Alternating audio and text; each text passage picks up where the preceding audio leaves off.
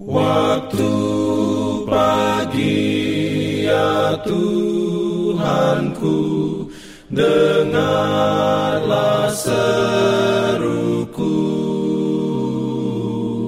Melayang doa yang sungguh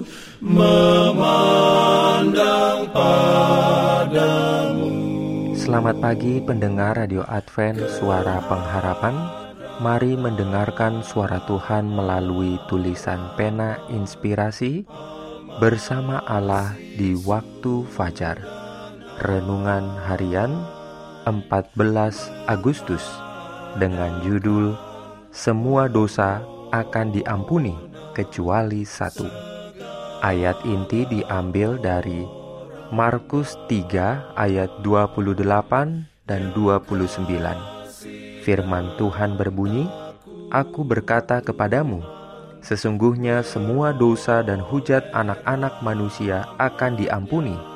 Ya, semua hujat yang mereka ucapkan. Tetapi apabila seorang menghujat roh kudus, ia tidak mendapat ampun selama-lamanya, melainkan bersalah karena berbuat dosa kekal. Pimpin aku ya roh Allah dalam kebenaran. Urayanya sebagai berikut. Apa yang merupakan dosa terhadap Roh Kudus? Itu adalah dosa yang menyatakan pekerjaan Roh Kudus sebagai pekerjaan iblis. Seandainya ada seseorang yang adalah saksi dari pekerjaan Roh Allah, ia memiliki bukti yang meyakinkan bahwa pekerjaan itu selaras dengan kitab suci dan roh kudus bersaksi dengan rohnya bahwa pekerjaan itu berasal dari Allah. Kemudian dia jatuh di bawah pencobaan kesombongan, keras kepala, atau sifat jahat lainnya mengendalikannya dan menolak semua bukti dari karakter ilahi dan dia menyatakan bahwa apa yang sebelumnya dia akui sebagai kekuatan Roh Kudus adalah kekuatan iblis. Melalui perantara rohnya, Tuhan bekerja di atas hati manusia. Dan ketika manusia dengan sengaja menolak rohnya dan menyatakan itu dari iblis, mereka memutuskan saluran yang dengannya Tuhan dapat berkomunikasi dengan mereka. Dengan menyangkal bukti dari Tuhan yang dengan senang hati diberikan kepada mereka, mereka menutup terang yang telah bersinar di hati mereka, dan akibatnya mereka ditinggalkan dalam kegelapan. Dosa apa pun, jika jiwa bertobat dan percaya, kesalahan itu akan dibasuhkan di dalam darah Kristus. Tetapi barang siapa yang menolak pekerjaan Roh Kudus, berarti menempatkan dirinya sendiri di tempat di mana pertobatan dan iman tidak dapat datang lagi padanya. Dengan Roh Kudus, Tuhan bekerja dalam hati. Jika manusia dengan sengaja menolak Roh Kudus dan mengatakan bahwa itu datangnya dari setan, mereka memutuskan saluran yang olehnya Allah dapat berhubungan dengan mereka.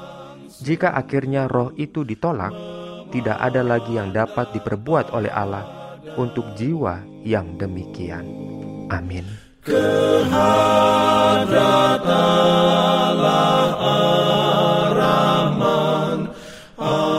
Shalom bagi semua sahabat pendengar.